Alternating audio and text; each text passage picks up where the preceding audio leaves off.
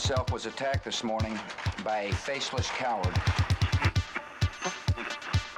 To have had the opportunity to serve the country I love.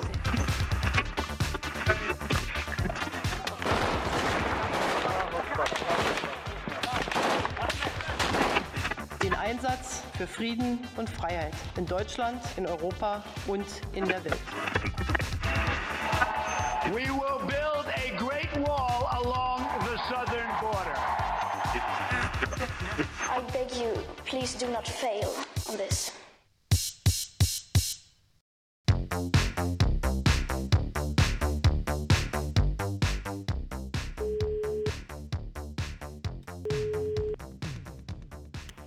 Sæl, Guðmundur Björn.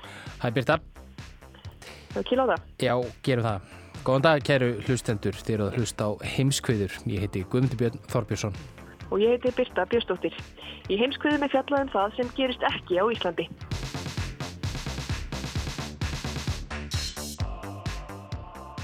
Já, hvað segirðu? Enn eitt síma þátturinn. Hvað eru búin að gera marga svona? Ég er yfir gjörnir átta, ég held að þetta sé áttundi þátturinn sem við tökum upp í gegnum síma, allavega þessa kynningu okkar. Já, við erum alltaf lífum víði og sóttvarnarsveðunum í eftirleitinu. En þó að COVID-ástandi sé enn í gangi þá ákvaðum við núna að bjóða upp á heilan þátt af heimskviðum þar sem faraldin kemur hverki við sögu. Það er rétt, það er ekki alveg óhugsandi að koronaviran muni koma talsvægt meira við sögu í næstu þáttum en við ákvæmum að taka frí í eina viku. Og þú ætlar að fara til Norði Kóru. Hvernig líður kemja hún núna? Já, hún líður ágætlega, allavega samkvæmt því sem að eh, norður kóreski ríkis fjölmiðlinn segir en, en það er náttúrulega erfitt að meta sannleiksskildi þeirra frétta.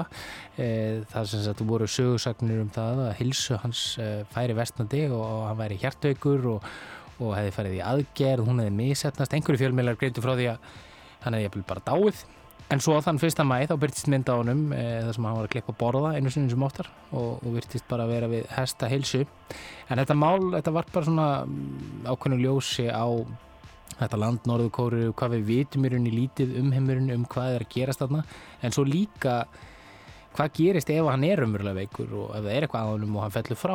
Hver er það sem tekur við, þetta er nú mikið kallaveldi og, og það er engin augljós artaki annar en mögulega sýstir hans. Og uh, við ætlum að fjalla eins og það hérna á eftir.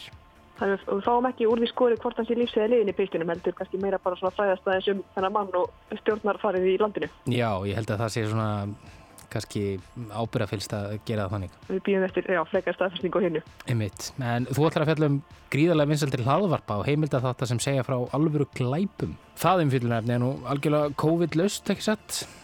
Jú, nema kannski að því leiti að mörg hafa eflaust nýtt sóttkví til að horfa og hlusta á svona þætti.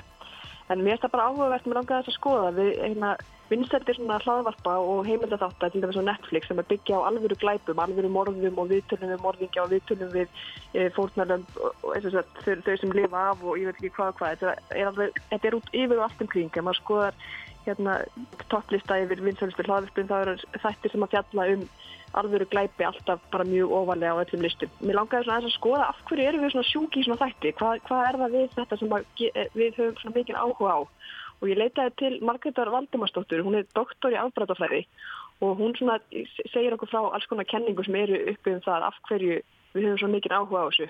Og svo ætlar Óluf Ragnarsdóttir að segja okkur frá áhugaverðum réttarhöldum sem hófust á dögunum í Þýskalandi. Já, og þó þau farið fram í Þýskalandi þá er það réttað yfir tveimu mönnum frá Sýrlandi sem að meðal annars eru ákjærðir fyrir pyntingar á almennum borgurum sem tóku þátt í mótmælum gegn stjórnvöldum. Þetta er í fyrsta sinn sem er réttað yfir fulltrúum sýrlenska stjórnvalda sem hafa margóft fyrir sökuðum stríðskleipi. Við heyrum meira um það og eftir en við byrjum á glæpurum. Hver urðu örlög hennar norsku Anne Elisabeth Hagen? Stóð maðurinn hennar á bakvið morðið á henni og reyndi að villa um fyrir lauruglunni með því að láta lítið út fyrir að henni hefði verið rænt.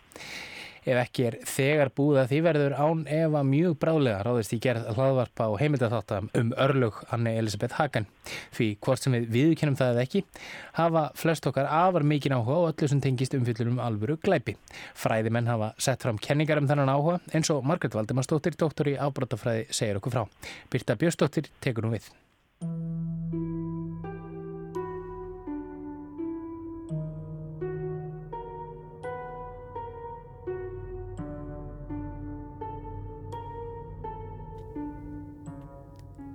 Þann 30. og 1. oktober árið 2018 voru hér á landi sagðar fréttir af mannskeiðum húsbruna á Selfossi og rannsókninni á morðinu á sáti-arabíska bladamannum Jamal Khashoggi.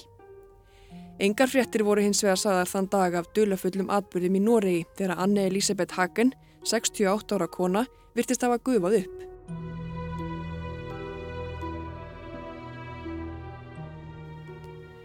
Þannan sama dag hafði Tom Hagen, einn ríkasti maður Noregs, samband við laurugluna til að láta vita að því að konuna hans væri hvergi að finna. Þrátt fyrir að hún væri horfin var ekkert fjallað um þá staðrindi í fjölmiðlum og það var heldur ekki líst eftir henni. Ástæðinni að frá upphafið þótti ljóst að hvarf hennar ætti sér ekki eðlilegar útskýringar. Það var ekki fyrir en talsverði síðar að atbyrðinir sem gerðist hennar örlega ríka dag rötuði í fréttir.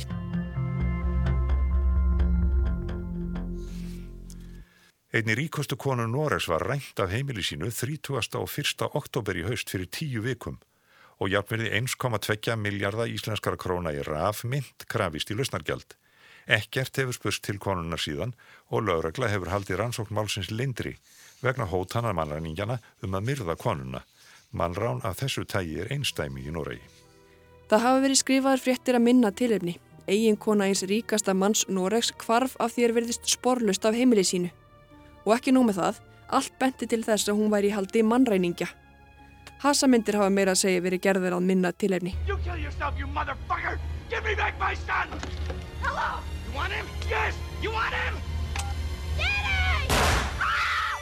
Í lauruglu skýslu er Tom Hagen sagður hafa verið afar áhyggjufullur um afdrif konu sinnar. Á heimili hennar fannst bref þar sem lausnagjalds í formi rafmyndar er krafist. Hinnir myndu mannræningar höfðu svo aftur samband og nokkrum sinnum og hótuðu því að myrða Anne Elisabeth ef laurugluði blandað í málið. Reglulegir bladamannafundir norsku lauruglunar hafa vakið mikla aðtigli alveg frá því að málið kom fyrst upp og ekki minnst sá síðasti sem var bara í síðustu viku þegar laurugla tilkynnti um að nú væri búið að handtaka eigin mannin áhyggjufulla, Tom Hagen, einn ríkasta mann Noregs. Öst politidistrikt har i dag pågrepet Tom Hagen, sikter for drap eller medvirkning til drap på sin kone Anne Elisabeth Hagen. Tom Hagen situr nú í varðhaldi, heldur reyndar fram sakleysi sínu, en nú eru líklega í uppsýklingu réttarhöld þar sem öllum steinum í málunu verður veld við aftur og aftur. Allur óhrinni þvottur þeirra hjóna verður viðraðir fyrir hunda og manna fótum. Það er meira segja þegar byrjað. Vinnir þeirra hjóna hafa nú deilt því með völdum fjölmjöljum í Noregi að Anne Elisabeth hafi verið að velta því fyrir sér að skilja við Tom Hagen. Hjónaband þeirra hafi verið stormasamt og hann hafi langað út. Þá eru vangaveltur um kaupmála þeirra á milli sömu leiðis slegið upp viða.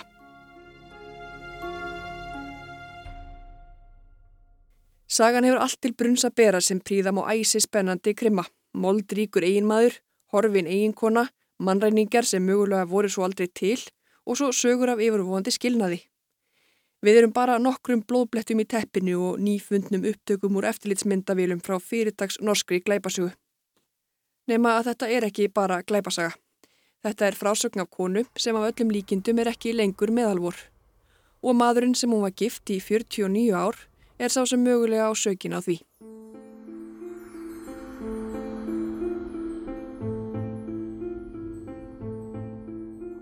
Ef ekki er þegar byrjað að leggja drauga því, þá er það einungis tímaspursmál hvernar bækur, sjónvastættir og hlaðvarpstættir verða gerðir um hvarf önnu Elisabethar Hagen.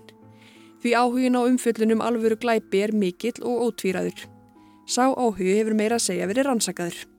Þessi mikli áhugi okkar á afbrótum og sakamálum ásér eðlilega skýringar. Þetta er Margret Valdemarsdóttir. Hún er doktor í afbrótafræði og lektor í lauruglufræði við Háskólan á Akureyri. Sálfræðingar hafa bent á það að við höfum áhuga afbrótum og þá sérstaklega sko óhugnalegum svona sakamálum eins og einhverjum óðbeldisbrótum vegna þess að þess konar brót vekið svona sterkar tilfinningar hjá okkur. Samum með þólendum, anduð og fordæming gerenda og, og við þessar, það verði einhvers konar tilfinningar úr sér banni sem mörgum okkar þegi einfallega eftirsóknarverður. Margret segir að enn einn kenningin um mikinn áhuga almennings á frásögnum af ofbeldisverkum og örum glæpum sé einfallega sjálfsbjargar viðleitni. Meiri segja að hafa sumi bent á það að með fordæmingu og að það fáið svona staðfestika okkar eigin ágæti. Eða þetta er allavega svona einn kenning sem hefur verið sett fram í sálfræðinni svo hafa félagsræðingar bent á því að einmitt að þessi áhug okkar á sakamálum sé beintengtur þessari fordæmingu. Að það að fordæma þá sem brjóta reglirna það samin okkur sko, samini fólk. Og við veitum það alveg að það er hlut að vera manneskja að hafa þörf fyrir að tilhera, tilhera samfélaginu. Og þegar við erum þess að þetta fordæma þá sem brjóta af sér að þá líka bara skerpum við um leið á reglum samfélagsins á okkar samíðilegu gildum og við staðfestum sem samfélag bara hvaða hefðun líðst ekki.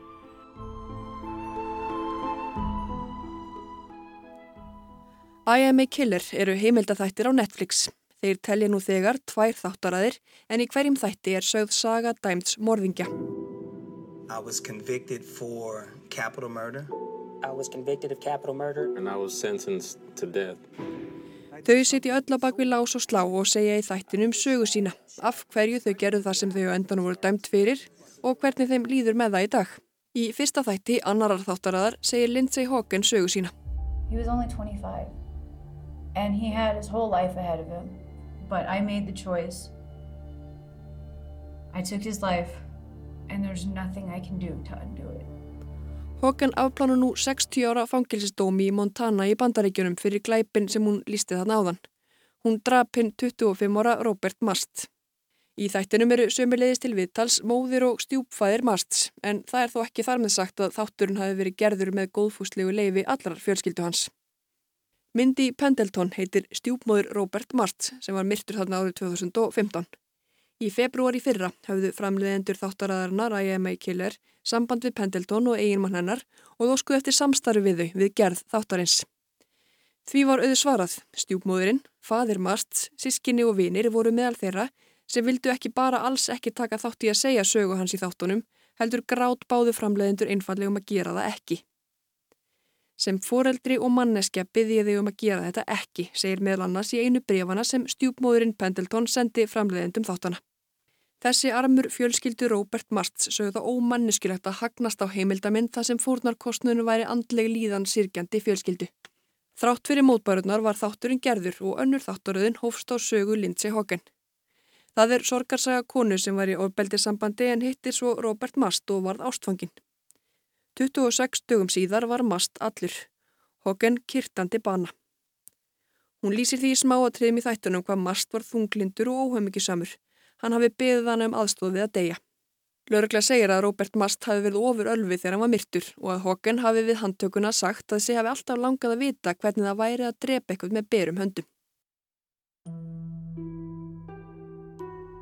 Hér verður ekki farið nánar í málavöxtu. Áhuga sem geta annarkvört líta á frásögn Hogan í áðurnemdum þáttum eða lesið viðtal við ósátt af fjölskyldi Robert Mast í The Time í síðasta mánuði. Eða bara gert bæði eða hvort. Já, allir þessir þættir, öll þessi umfjöldunum morð og aðra glæpi er alls ekki alltaf í þökk aðstandenda þeirra sem fjallaðir um. Það eru mýmargar, sögurnar, viðtölinn, yfirlýsingarnar frá fjölskyldum sem byggðast undan eða fordæma umfjöldunum harmþrungin örlög ástfinna sinna, öðrum til dærastýttingar. Önnurgagrinni sem sumir þessara þátt að fá er sviðsljósið sem gýrendur ofbeldisverka fá.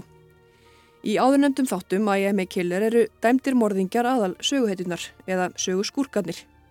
Þau segja sína hlýðamálunu og taka afstöðu til dómsins sem þau hluti. Sjöum brot eru framinn með það að markmiða vekja aðtökli, fjölmila. Og margir brotamenni með þrýfast á þessari aðtökli sem þeir fá.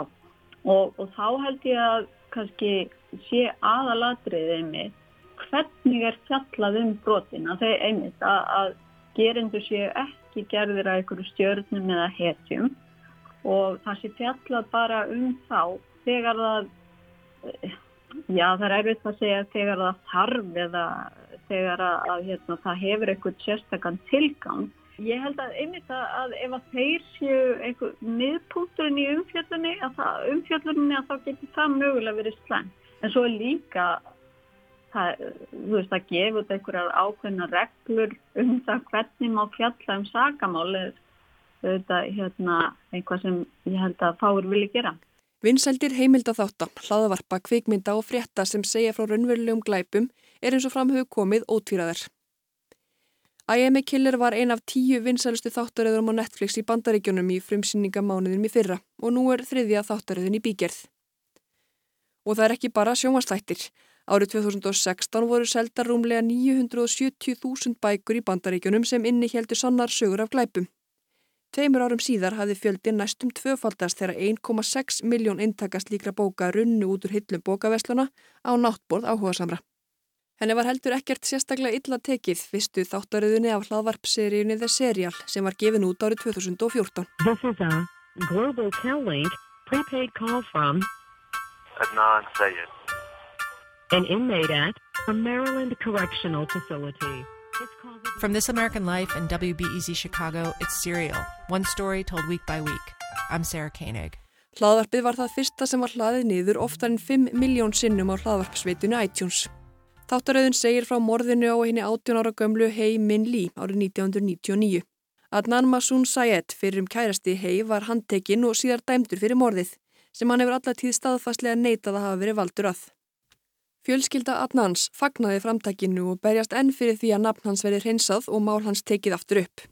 Fjölskylda Hei sendi hins vegar frá sér yfirlýsingu ára 2016 og sagðist gjarnan að vilja fá að sirkja í fríði. Þau trúi því staðfastlega að réttlætinu hafi verið fullnægt þegar Sayed var dæmdur fyrir morðið á Hei. En þrátt fyrir mótbárur fjölskyldu Hei er HBO nú með í bígerð heimildathátturöð sem segir frá vendingum í málunni sem orðið hafa frá því að þeir seriál kom fyrst í eiru almennings. Sekt og sakleysir reyndar ekki alltaf eina spurningin í hinnum vinsalu glæpaþáttum. Gaggrinni og löggjæsli yfirvöld og réttarkerfið er sumuleiðis oft rauður þráður í þáttunum. Þannig er það meðal annars í Netflix þáttaröðinni Making a Murderer. Þar segir frá 25 ára ljósmyndarnum Teresu Hallback. Eða nei, þáttaröðin er reyndar minnst um hana. Hún er meira um mennina tvo sem sagveldir voru fyrir að myrðana. People that were close to Steve knew he was always happy, happy, happy. Always wanted to make other people laugh. Þar líkt og ofta áður eru ættingjar þeirra sem látin eru ekki par sáttir við ítalega umfjöllun. Áður en þáttarinn var frum sínt sendi fjölskylda Teresu Hallbakk frá sér yfirlýsingu þar sem þau sögðust harma það að einstaklingar og fyrirtæki haldi áfram að framleiða afþreyingarefni til að græða á sorg þeirra. Afþreying, já, áhugin leynir sér allaveg ekki. Umtalsverður fjöldi ferðamanna leggur nú leið sína ár hvert að Salvits Jart þar sem Stephen Avery syndi bílaviðgerðum og þar sem hann á að hafa myrt Teresu Hallbakk. Þar smellir fólk af sér sjálfu, byrti mynda sér á samfélagsmiðlum á þessum, já, sögufræga stað. Ferðamennska er nefnilega einn ángi af þessum áhuga. Í Milwaukee geta áhugasum farið í ferðum borgina með leiðsögumanni undir merkjum The Cream City Cannibal Tour. Þar eru þrættir barir og skemmtistæðir þar sem raðmorðingin Jeffrey Dahmer komst í kynni við marga af þeim 17 mönnum og piltum sem hann síðar játaði að hafa myrt. Í ferðinni er sömuleiðir sagt frá ömulegum uppvexti Dahmers og í lokin getur þú keftir stuttarmaból með myndafunum á. En við vorum að tala um a Murderer eins og margar álíka þáttaræðir fjalla ekki bara um gerendur og þólendur heldur kerfið sem tekur eða tekur ekki á glæpum sem eru framdir. Þannig varð umfjöllunum þá frændur Stephen Avery og Brendan Dassey sem dæmdir voru fyrir morðið á Teresu Hallback til þess að undirskriftalistar fóru á flugum að mál þeirra er tekið upp á nýjan leik. Mörgum þótti þeir nefnilega ekki hafa hlotið réttláta málsmeðferð.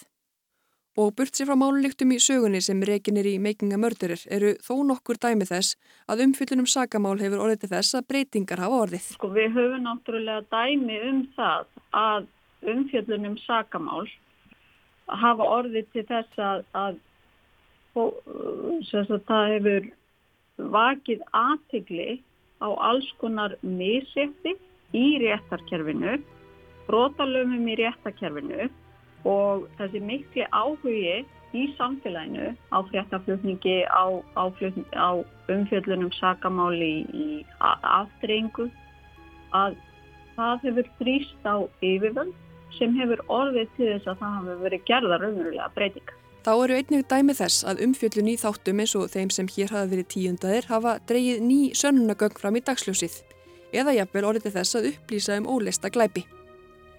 Ætli eitt eftirminnilegasta dæmi þess sé ekki endarlokin á þáttaröðinni The Jinx þar sem að auðkífingunni Robert Durst heyrist játa á sig ímis óhæfuverk inni á klósetti eftir viðtal við þau sem voru að gera heimelda þættu um ásakanir gegn honum.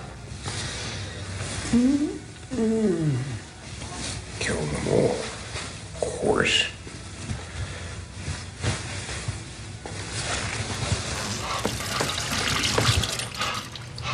Upptakan er meðal annars notuð í réttarhöldunum yfir döst sem nú standa yfir, en hann er ákjörður fyrir að hafa myrt vinkonu sína. Brot úr heimildatháttunum hafa verið sínd kviðdómnum í málunu sem sannunagögn. Umfyllunum glæpi er því líklega alls ekki al slæm en lítur líklega sömu lögmálum og flest allt annað, það skiptir máli hvernig það er gert.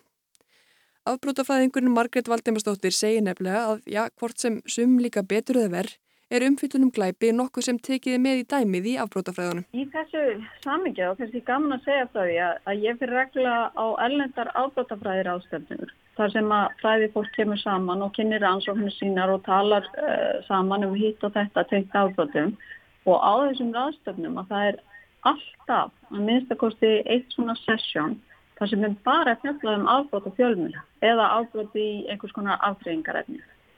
Af því að af því að þetta skiptir í raun og veru af því að þetta skiptir raun, raunverulegu máli sem að byrstingamindir afbróta í skáldskap skipta meiri segja máli í sjónvastáttum, í bíómyndum og öðru slíku vegna þess að hugmyndir sem við fáum úr aftreyingunni það er auðvitað móta hvernig við horfum á þólendur og gerendur og okkar viðhorf getur auðvitað áhrif á stefnumót hvernig er brúðist við og, og eins og þú segir það er svona skiptir þetta máli.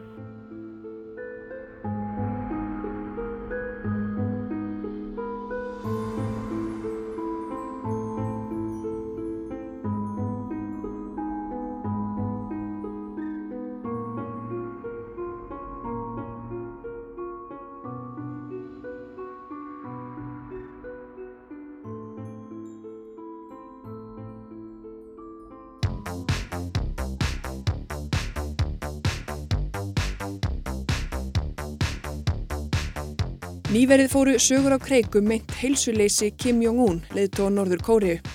Sumir fréttameilar gengur svo langt að lýsa því yfir að leiðtóin var í látin og því stjórnarkreppa í vændum í landinu. Svo verist þó vera sem ekkert aðmiða leiðtónum, þar að segja ef við tökum Norður Kóreska ríkisfjölmiðlinn trúanlegan. En sögur um meint heilsuleysi leiðtóans vekja upp starri spurningar tengdur í framtíð þessa lindóndómsvita ríkis. Hvað gerist ef Kim fellur nú frá? Guðmundur Björn kynnti sér málið.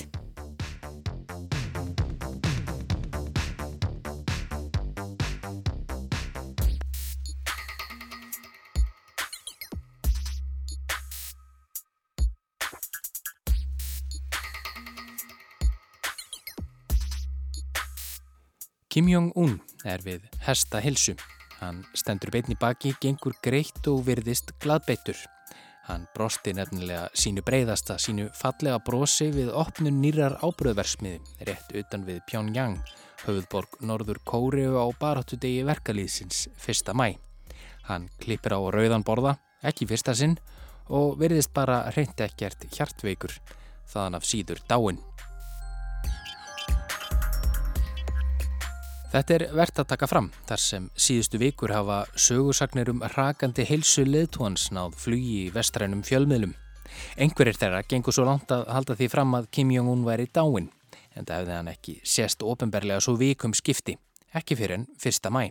Norðurkóreski ríkisfjölmiðlin tók þá af allan vafa myndan dauða leðtóans með því að byrta mynd af honum, sprell lifandi.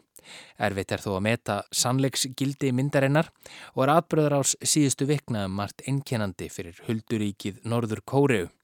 Það er einu upplýsingarnar sem ég og langt flestir fjölmjölamennum veröld alla hef af málum í Norður Kóreu koma beint frá Norður Kóreuskum stjórnvöldum.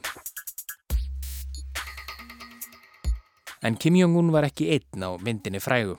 Begja vegna við hann standa ónefndir embættismenn en fyrir aftan hann stendur ung og dularfull kona. Hver er þessi kona og hvers vegna hefur hún í auknum mæli sérst við hlið leðtóhans undanfærin misseri?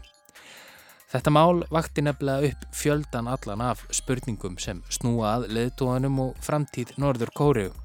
Hvernig er hilsur fari hans raunverulega háttað og hvað gerist ef hann fellur frá? Hver tekur við á honum? Verður það kannski þessi dularfulla kona sem stendur við hliðhans á myndinni frá 1. mæ.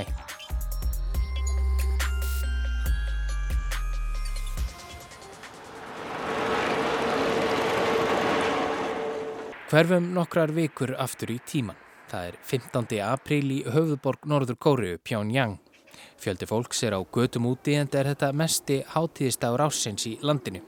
15. apríl er nefnilega fyrir Norður Kóriubúa, næstum eins og jólinn í hinnum vestræna heimi.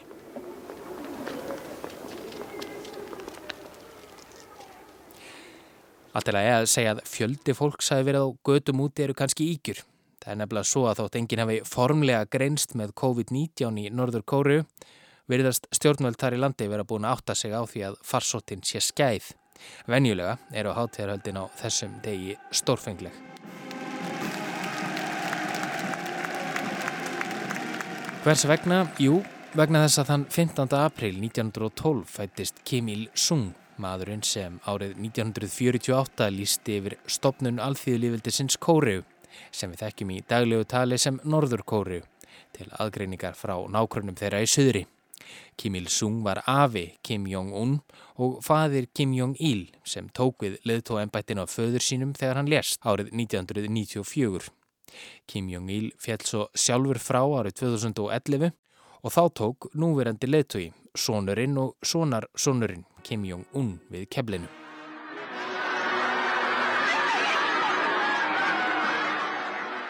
Gríðarlega personudýrkun myndaðist í kringum Kim Il-sung og man ég sjálfur frá frettamyndum á sínum tíma sem síndu alþýðuna öskrandi og grátandi í harmi sínum þegar leðtóin lest.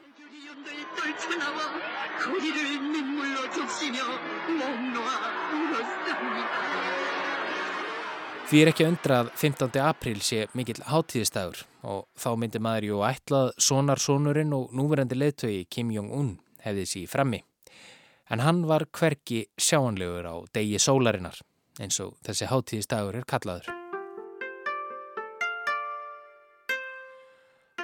Þau sem glögt fylgjast með málefnum Norður Kóru fóru því að spyrja sér spurninga hvar var leðtóin, hefur eitthvað komið fyrir hann. Sekstugum síðar bast frettameilinum Daily NK sem er rekin af fólki sem hefur tekist að flýja Norður Kóru. Ábending þess efniðs að Kim hefði að undaförnu glimt við alvarlegar hjartsláttatrublanir og helsu hans rakaði hratt. Hann ætti við hjarta vandamála stríða vegna offitu en hann vegur um 150 kíló og vegna þess að hann sé í þokkabót stóregingamæður. Og hratt flýgur fiskisagan Í kjölfarið greindu fjölmargir vestrænir fjölmilar frá því að ástand Kims væri alvarlegt. There are reports that North Korean dictator Kim Jong-un is gravely ill. US outlets CNN and NBC are reporting the 36-year-old suffered complications.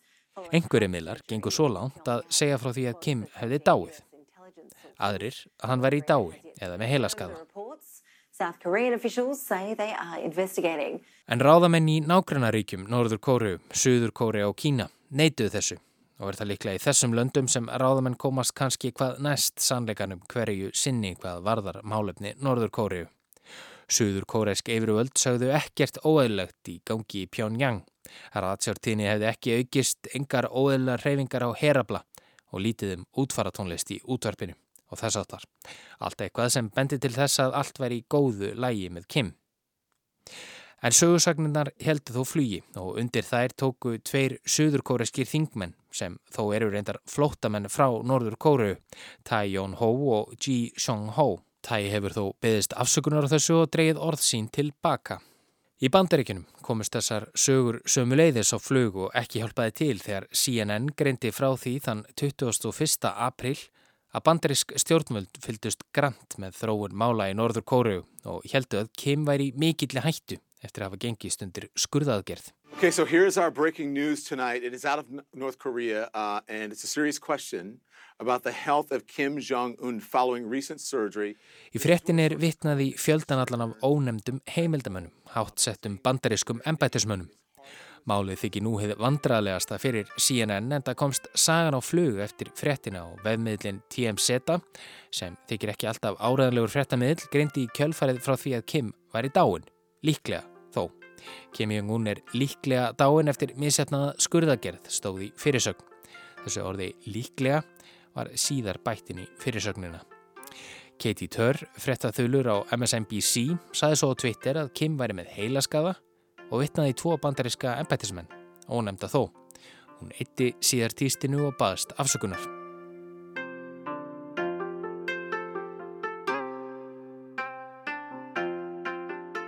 Donald Trump, fósetti bandaríkjana, saði svo þann 23. apríl að frett CNN veri röng.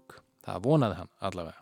I'm hearing they used old documents, uh, but I, I, that's what I hear. I hear the report was an incorrect report. I hope it was an in, incorrect report. Eins og hlustendur heimskviða ættu að vita hafa bandaríkjafósetti og CNN marga hildi háð undanfærin ár. Hann hefur ítrekkað kallað CNN falsfréttastöð og fréttamenn stöðurinnar ásakað fósettanum að fara með fleipur. Það ætti því að vera gleði efni fyrir fósettan, sé Kim heil heilsu og málflutningur CNN byður á sandi. Síðar, þegar fósettin sá myndirnar umrætu af Kim frá 1. mæ, deldi hann þeim á Twitter og sagði einfallega Ég er ánaður að sjá hann aftur og hann sé við góða heilsu.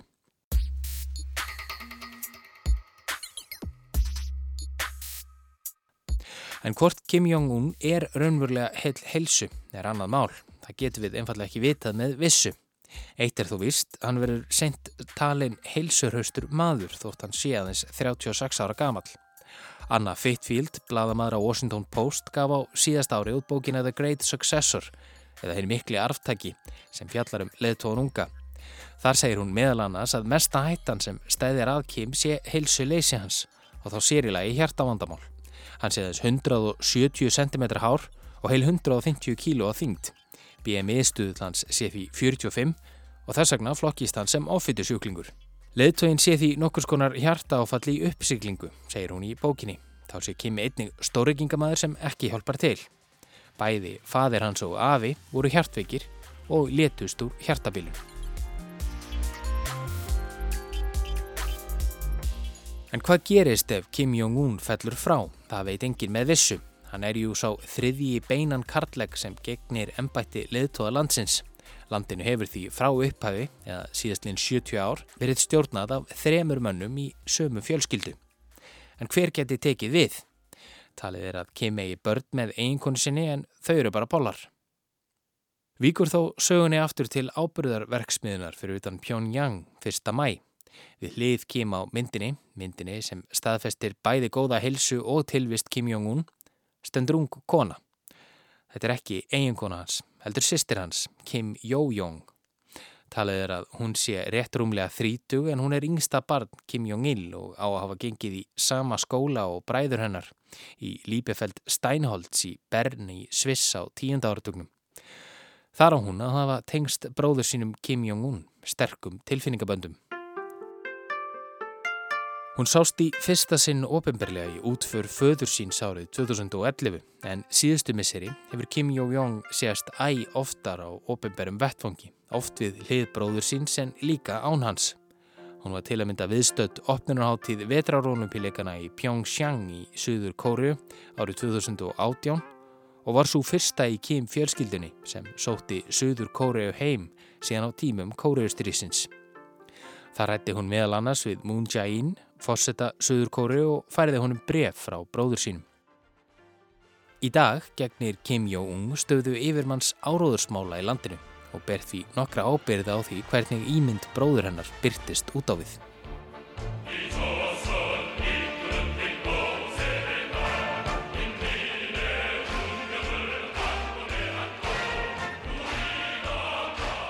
En hvers vegna erum við að velta sýstur leðtóðans fyrir okkur? Jú, því nú spyrja fréttaskýrindur víða í ljósi mynds hilsuleysis leðtóðans gæti Kim Jong-jong einn daginn orðið leðtói Norður Kóriu. Augljósa svarið við slíkri spurningu er þvert nei þar sem valdastruktúrni í Norður Kóriu er mjög kartlægur líkt á Anna Fittfield bendi á í grein frá árunni 2018 um það leiti sem Kim Jong-jong heimsótti Suður Kóriu. Það væri einfallega óhugsandi að kona tæki við leðtúaembættinu og undir það tóku ymsir sérfræðingar í hefðarétti Kóriuríkjana. En síðan þá hefur margt breyst, heilsa leðtúans er orðið hávarara umræðaefni eins og greint hefur verið frá hér og svo hefur sýstirinn líka orðið meira og meira ábyrrandi við hlið bróður síns. Chong Xiong Chang, sérfræðingur hjá Sejong-klopnurinni í Suður Kóriu, saði nýlega í viðtali við AP fréttastofra að það væri nú meir en 90% líkur að því að Kim Yo-jong tæki við leðtóðembættinu ef bróður hennar fjalli frá. Hún hefði rétta blóðið og undanfarið hefði hún sífælt oftar setið fundi með hátsettum mönnum, meðal annars þegar bróður hennar hitti Donald Trump, vandarækjafjósita, á sögulegum fundi í Singapúr í fyrrasumar. Og hún var ekki langt undan þegar þeir hittust á landamærum Norður og Suður Kóru skömmu síðar. Trump var þar með fyrstur bandarískra fósita til að stíga á Norður Kóraska grundu. Það er aðtiklisvert að horfa á myndskeið þar sem Kim Jong-jong bregður fyrir. Hún geistlar af sjálfsöryggi og er oftar en ekki glottandi eins og hún viti að eitthvað meira sé í vendum fyrir hana. Farið svo að Kim Jong-un þurfi frá að hverfa eru vissulega aðrir kostir í stöðunni en að sýstir hans taki við hlutverkinu. Hann ájú fleiri ættingja, til dæmis bróðurinn Kim Jong-chol sem er meira að segja eldre en hann. Það er þó talið að Sá hafi engan áhuga á pólitík eða öðrum ofinbörum störfum og að fadir hans, Kim Jong-il, hafi talið hann of stelpulegan til að fara með völd.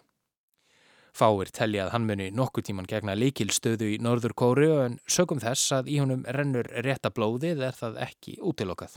Kim Jong-un átti annan bróður, Kim Jong-nam, en hann var myrtur í fyrðulegri árás á flugvellinum í Kuala Lumpur árið 2017. This was one of the most brazen killings of recent years. This is the spot where Kim Jong-nam was attacked. Árásinn var öllum líkindum fyrirskipuð af yfirvöldum í Norður Kóru þó það fáist liklega aldrei staðfest. Fyrir áhuga sama er óhætt að mæla með þætti veru yllivadóttur í ljósi sögunar um Kim Jong-un frá árinu 2017 og þar fjallar hún meðal annars um morðið á bróður leðtóhans. Þá hefur 65 ára gammal frendi verið nefndir til sögunar Kim Pjong-il sem snýri aftur til landsins í november eftir að hafa verið diplómat í Evrópu árum saman.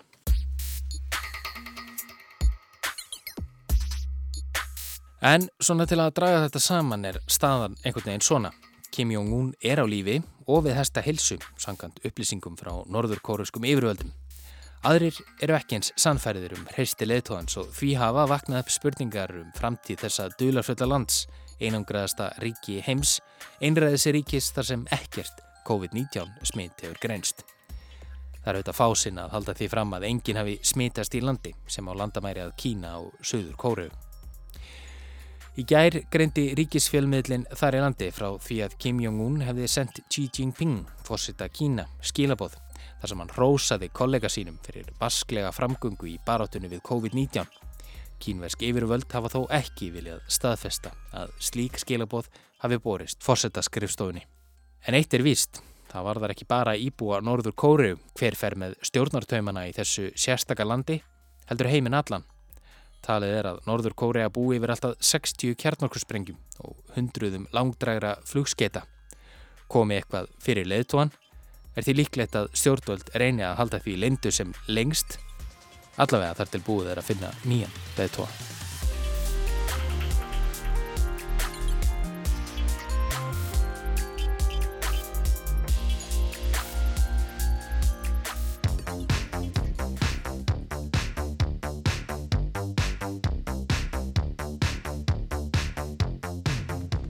Á dögunum hófust réttarhöld í Þískalandi yfir tveimur mönnum frá Sýrlandi. Ákjæruskjalið tilur 100 blaðsíður og eru mennetin meðal annars ákjærðir fyrir pyntingar á almennum borgurum sem tóku þátti í mótmælum gegn stjórnvöldum. Þetta er í fyrsta sinn sem réttaðir yfir fulltrúum sírlenskra stjórnvalda sem hafa margóft verið sökuðum stríðskleipi. Óluf Ragnarstóttir fjallar um málið.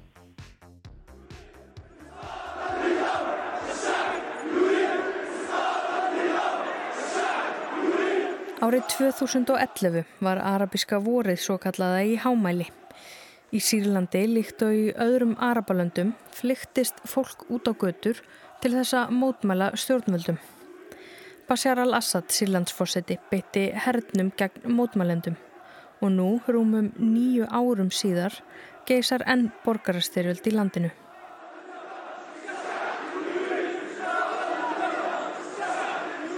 Ástandi í Sýrlandi hefur áður verið til umfjöllunar hér í heimskveðum og verður ekki kröfi til merkjar í þessum þætti.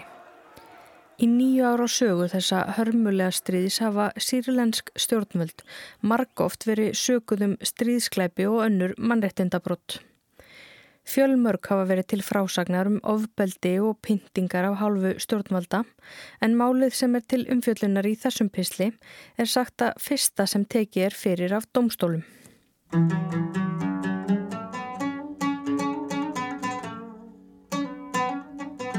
Tveir menn hafa verið ákjærðir. Þeir eru nefndir Anvar R. og Eyjad A. fyrir dómi og í flestum miðlum. Altsjár Sýra notar þó full nöfn þeirra, Anvar Raslan og Eyjad Al-Gharib. Báðir eru sagðir hafa starfað innan sírlensku leinithjónustunar. Á arabísku nefnast slíkar stopnannir muhabarat. Almennum borgurum rennur oft kallt vatnmilli skins og hörunds þegar á þær er minnst, enda allræmdar fyrir að ganga oft hart fram með pyntingum og öðru ofbeldi í þáu stjórnvalda. Hinn er ákjærðu flúðu báðir frá Sýrlandi, sóttum alþjóðlega vend í Þískalandi og voru handteknir þar árið 2019. Jasper Klinge, saksóknari í málinu, segir að þeir hafi báðir starfað í allræmdu fangelsi næri Damaskus. Fangelsi sem er þekkt sem Al-Khadib eða deild 251. Die Anklage beruht in erster Linie auf äh, Aussagen von Opfern, die selbst in der Abteilung 250 inhaftiert waren. Klinge segir að deild 251 hafi verið hluti af pyntinga og drápsvél sírlenskara stjórnvalda sem notuða til þess að bæla niður andstöðu. Þar hafi almennir borgarar verið pyntaðir bæði markvist og grimmilega. Málsóknin byggist á fjölda sagamála sem hefur verið höfðaður síðustu ár í Þískalandi, Östuríki og Svíþjóð. Þá byggist hún að mestuleiti á vittnisspurði fyrirverandi fanga sem segja frá hryllilegri dvölsinni í fangilsinu. En fyrir hvað hafa Anvar R. og Eyjad A. verið ákjærðir nákvæmlega? Dem angeklagten Anwar R. legen wir zur Last. Sem yfirmaður deildar 251 er Anwar R. ábyrgur fyrir dauða 58 manns og pyntingum á minst 4.000 föngum. Á meðal ákæruleiða eru glæpir gegn mannkininu og morð. Og þessi 58 morð og pyntingar á 4.000 föngum áttur sér stað á tæplega einu og hálfu ári frá april 2011 fram í september 2012. Eyjad A.E. sagður hafa sapnað saman og handtekið mótmælendur og flutt í fangelsið allræmda þar sem hann mátti vita hvað byðir að. Es ist unser Bestreben, dass solche Verbrechen gegen die Zivilisation Það er ætlun okkar að glæpir gegn mannkininu eins og þessir og gerendur þeirra sleppi ekki án refsingar. Við skuldum fórnarnum borum það sem sum hafa búið hér í okkar landi.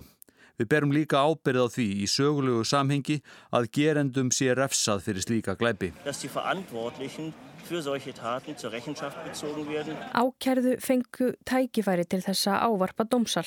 Anvar R. kausa gera það ekki en lögmaður Eyjats A. las upp yfirlýsingu þar sem lögmætti hjáttningar var dreyin í Eva. Eyjat viðkendi nefnilega segt í yfirheyslu hjá Þísku lauruglunni árið 2018. Lögmaður hann segir að þá hafa hann haldið að hann væri að bera vittni í máli sem tengdist stríðskleipum en hann hafi ekki vitað að orðans yrðu nótuð gegn honum sjálfum. Minst nýju mann sem áttu þóla pyntingar voru viðstættir þegar réttarhöldin hófust. Þeirra á meðal tónlistamæðurinn Wasim Muqdad sem flúði Sýrland árið 2014. Dieses Prozess ist nicht nur wichtig äh, für uns persönlich, das ist auch wichtig für die, für die Opfer, die am Leben sind, die auch noch im Gefängnis sitzen und auch für die Opfer, die nicht mehr am Leben sind. Wasim segir að réttarhöldin séu ekki aðeins mikilvæg fyrir þau sem eru viðstött heldur einnig fyrir önnur fornalum pyntinga. Hann ætlar sjálfur að bera vittni fyrir dómi. En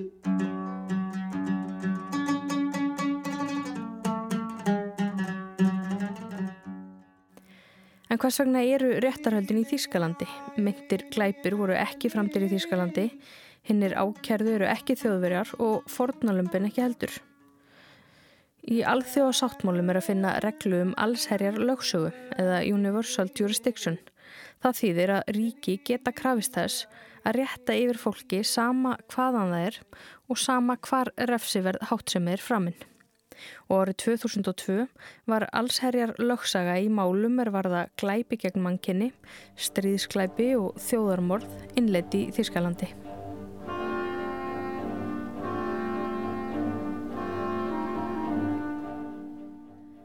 Sýrlensk stjórnvöld hafa margóft verið sögu um stríðskleipi.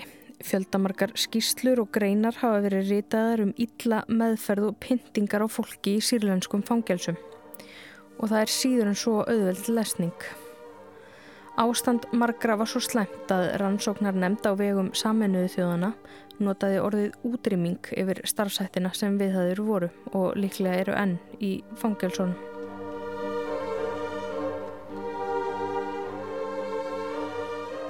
Mohamed Khabbas, lögfræðinemi frá Aleppo, er eitt þeirra sem hefur sagt frá reynslu sinni að fangelsi öryggisveita í Sýrlandi. Í viðtali við New York Times segir hann frá því að hann hafi verið eitt þeirra sem tók þátt í að skipulegja mótmæli gegn stjórnvöldum árið 2011. Þá var hann 22 ára. Í júni var hann handtekinn en sleft gegn því að lofa að hætta mótmæla. Í ágúst var hann handtekinn á ný, aftur fyrir mótmæli og þá var meðferðin allt önnur. Hann var hengtur upp, lamin og barinn með svipu. Svo var hann um sleft og ráðlagt að fara úr landi. En eins og svo margir aðrir sírlendingar gafst hann ekki upp á byltingunni og helt áfram. Svo var hann handtekinn í þriðja sinn. Þá var hann um gefið að söka hafa skipulagt sprengjuárós. Til þess að fá hann til að játa það fyrir dómi var hann barinn þar til hann misti meðvitund. Þegar hann vaknaði aftur, nakin og kaldur, hófust barsmiðanar aftur. Þá heyrði hann kvennmanns öskur sem fangaverðinir sögðu að vera öskur móður hans. Og þetta er hans lítill hluti af frásögn Muhannad Khabbas. Samt segist hann hafa verið einn af þeim hefnari.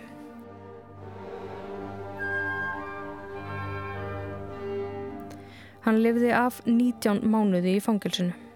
Hún var að lókum sleft eftir að dómara í máli hans var mútað. Talið er að þau skipti hundruðum þúsunda sem voru handtekinn og færð bak við lás og slá þar sem pyntingar voru daglegt brauð. Þúsundir eru látnar og yfir hundra þúsund er enn saknað. Ástvinnir þeirra vita ekki hvort þau eru lífseða liðin.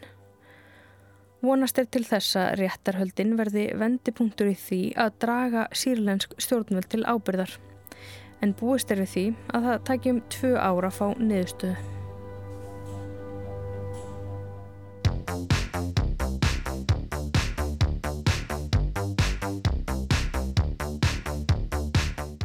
Jæja, það verð ekki fleiri heimskuður í þessum þætti, en ef ekki minna á netfang þáttarins. Jú, það er einfallega heimskviður að rú.is. Það væri gaman að heyra frá ykkur hlustundi góður en við erum ábendingar eða jafnvel óskalista yfir þettir sem að þið vilja við tökum til umfjöldunar. Svo móðu þetta nálgast þennan þátt og alla hinn á hlaðvarpsveitum. Þetta er 3050 þátturinn svo það er komið ágætis sapn. Það er eini af eldri þáttum sem hægt er að hlusta á. En við þökkum þeim sem hlýtu. Og heyrumst aftur í næstu viku.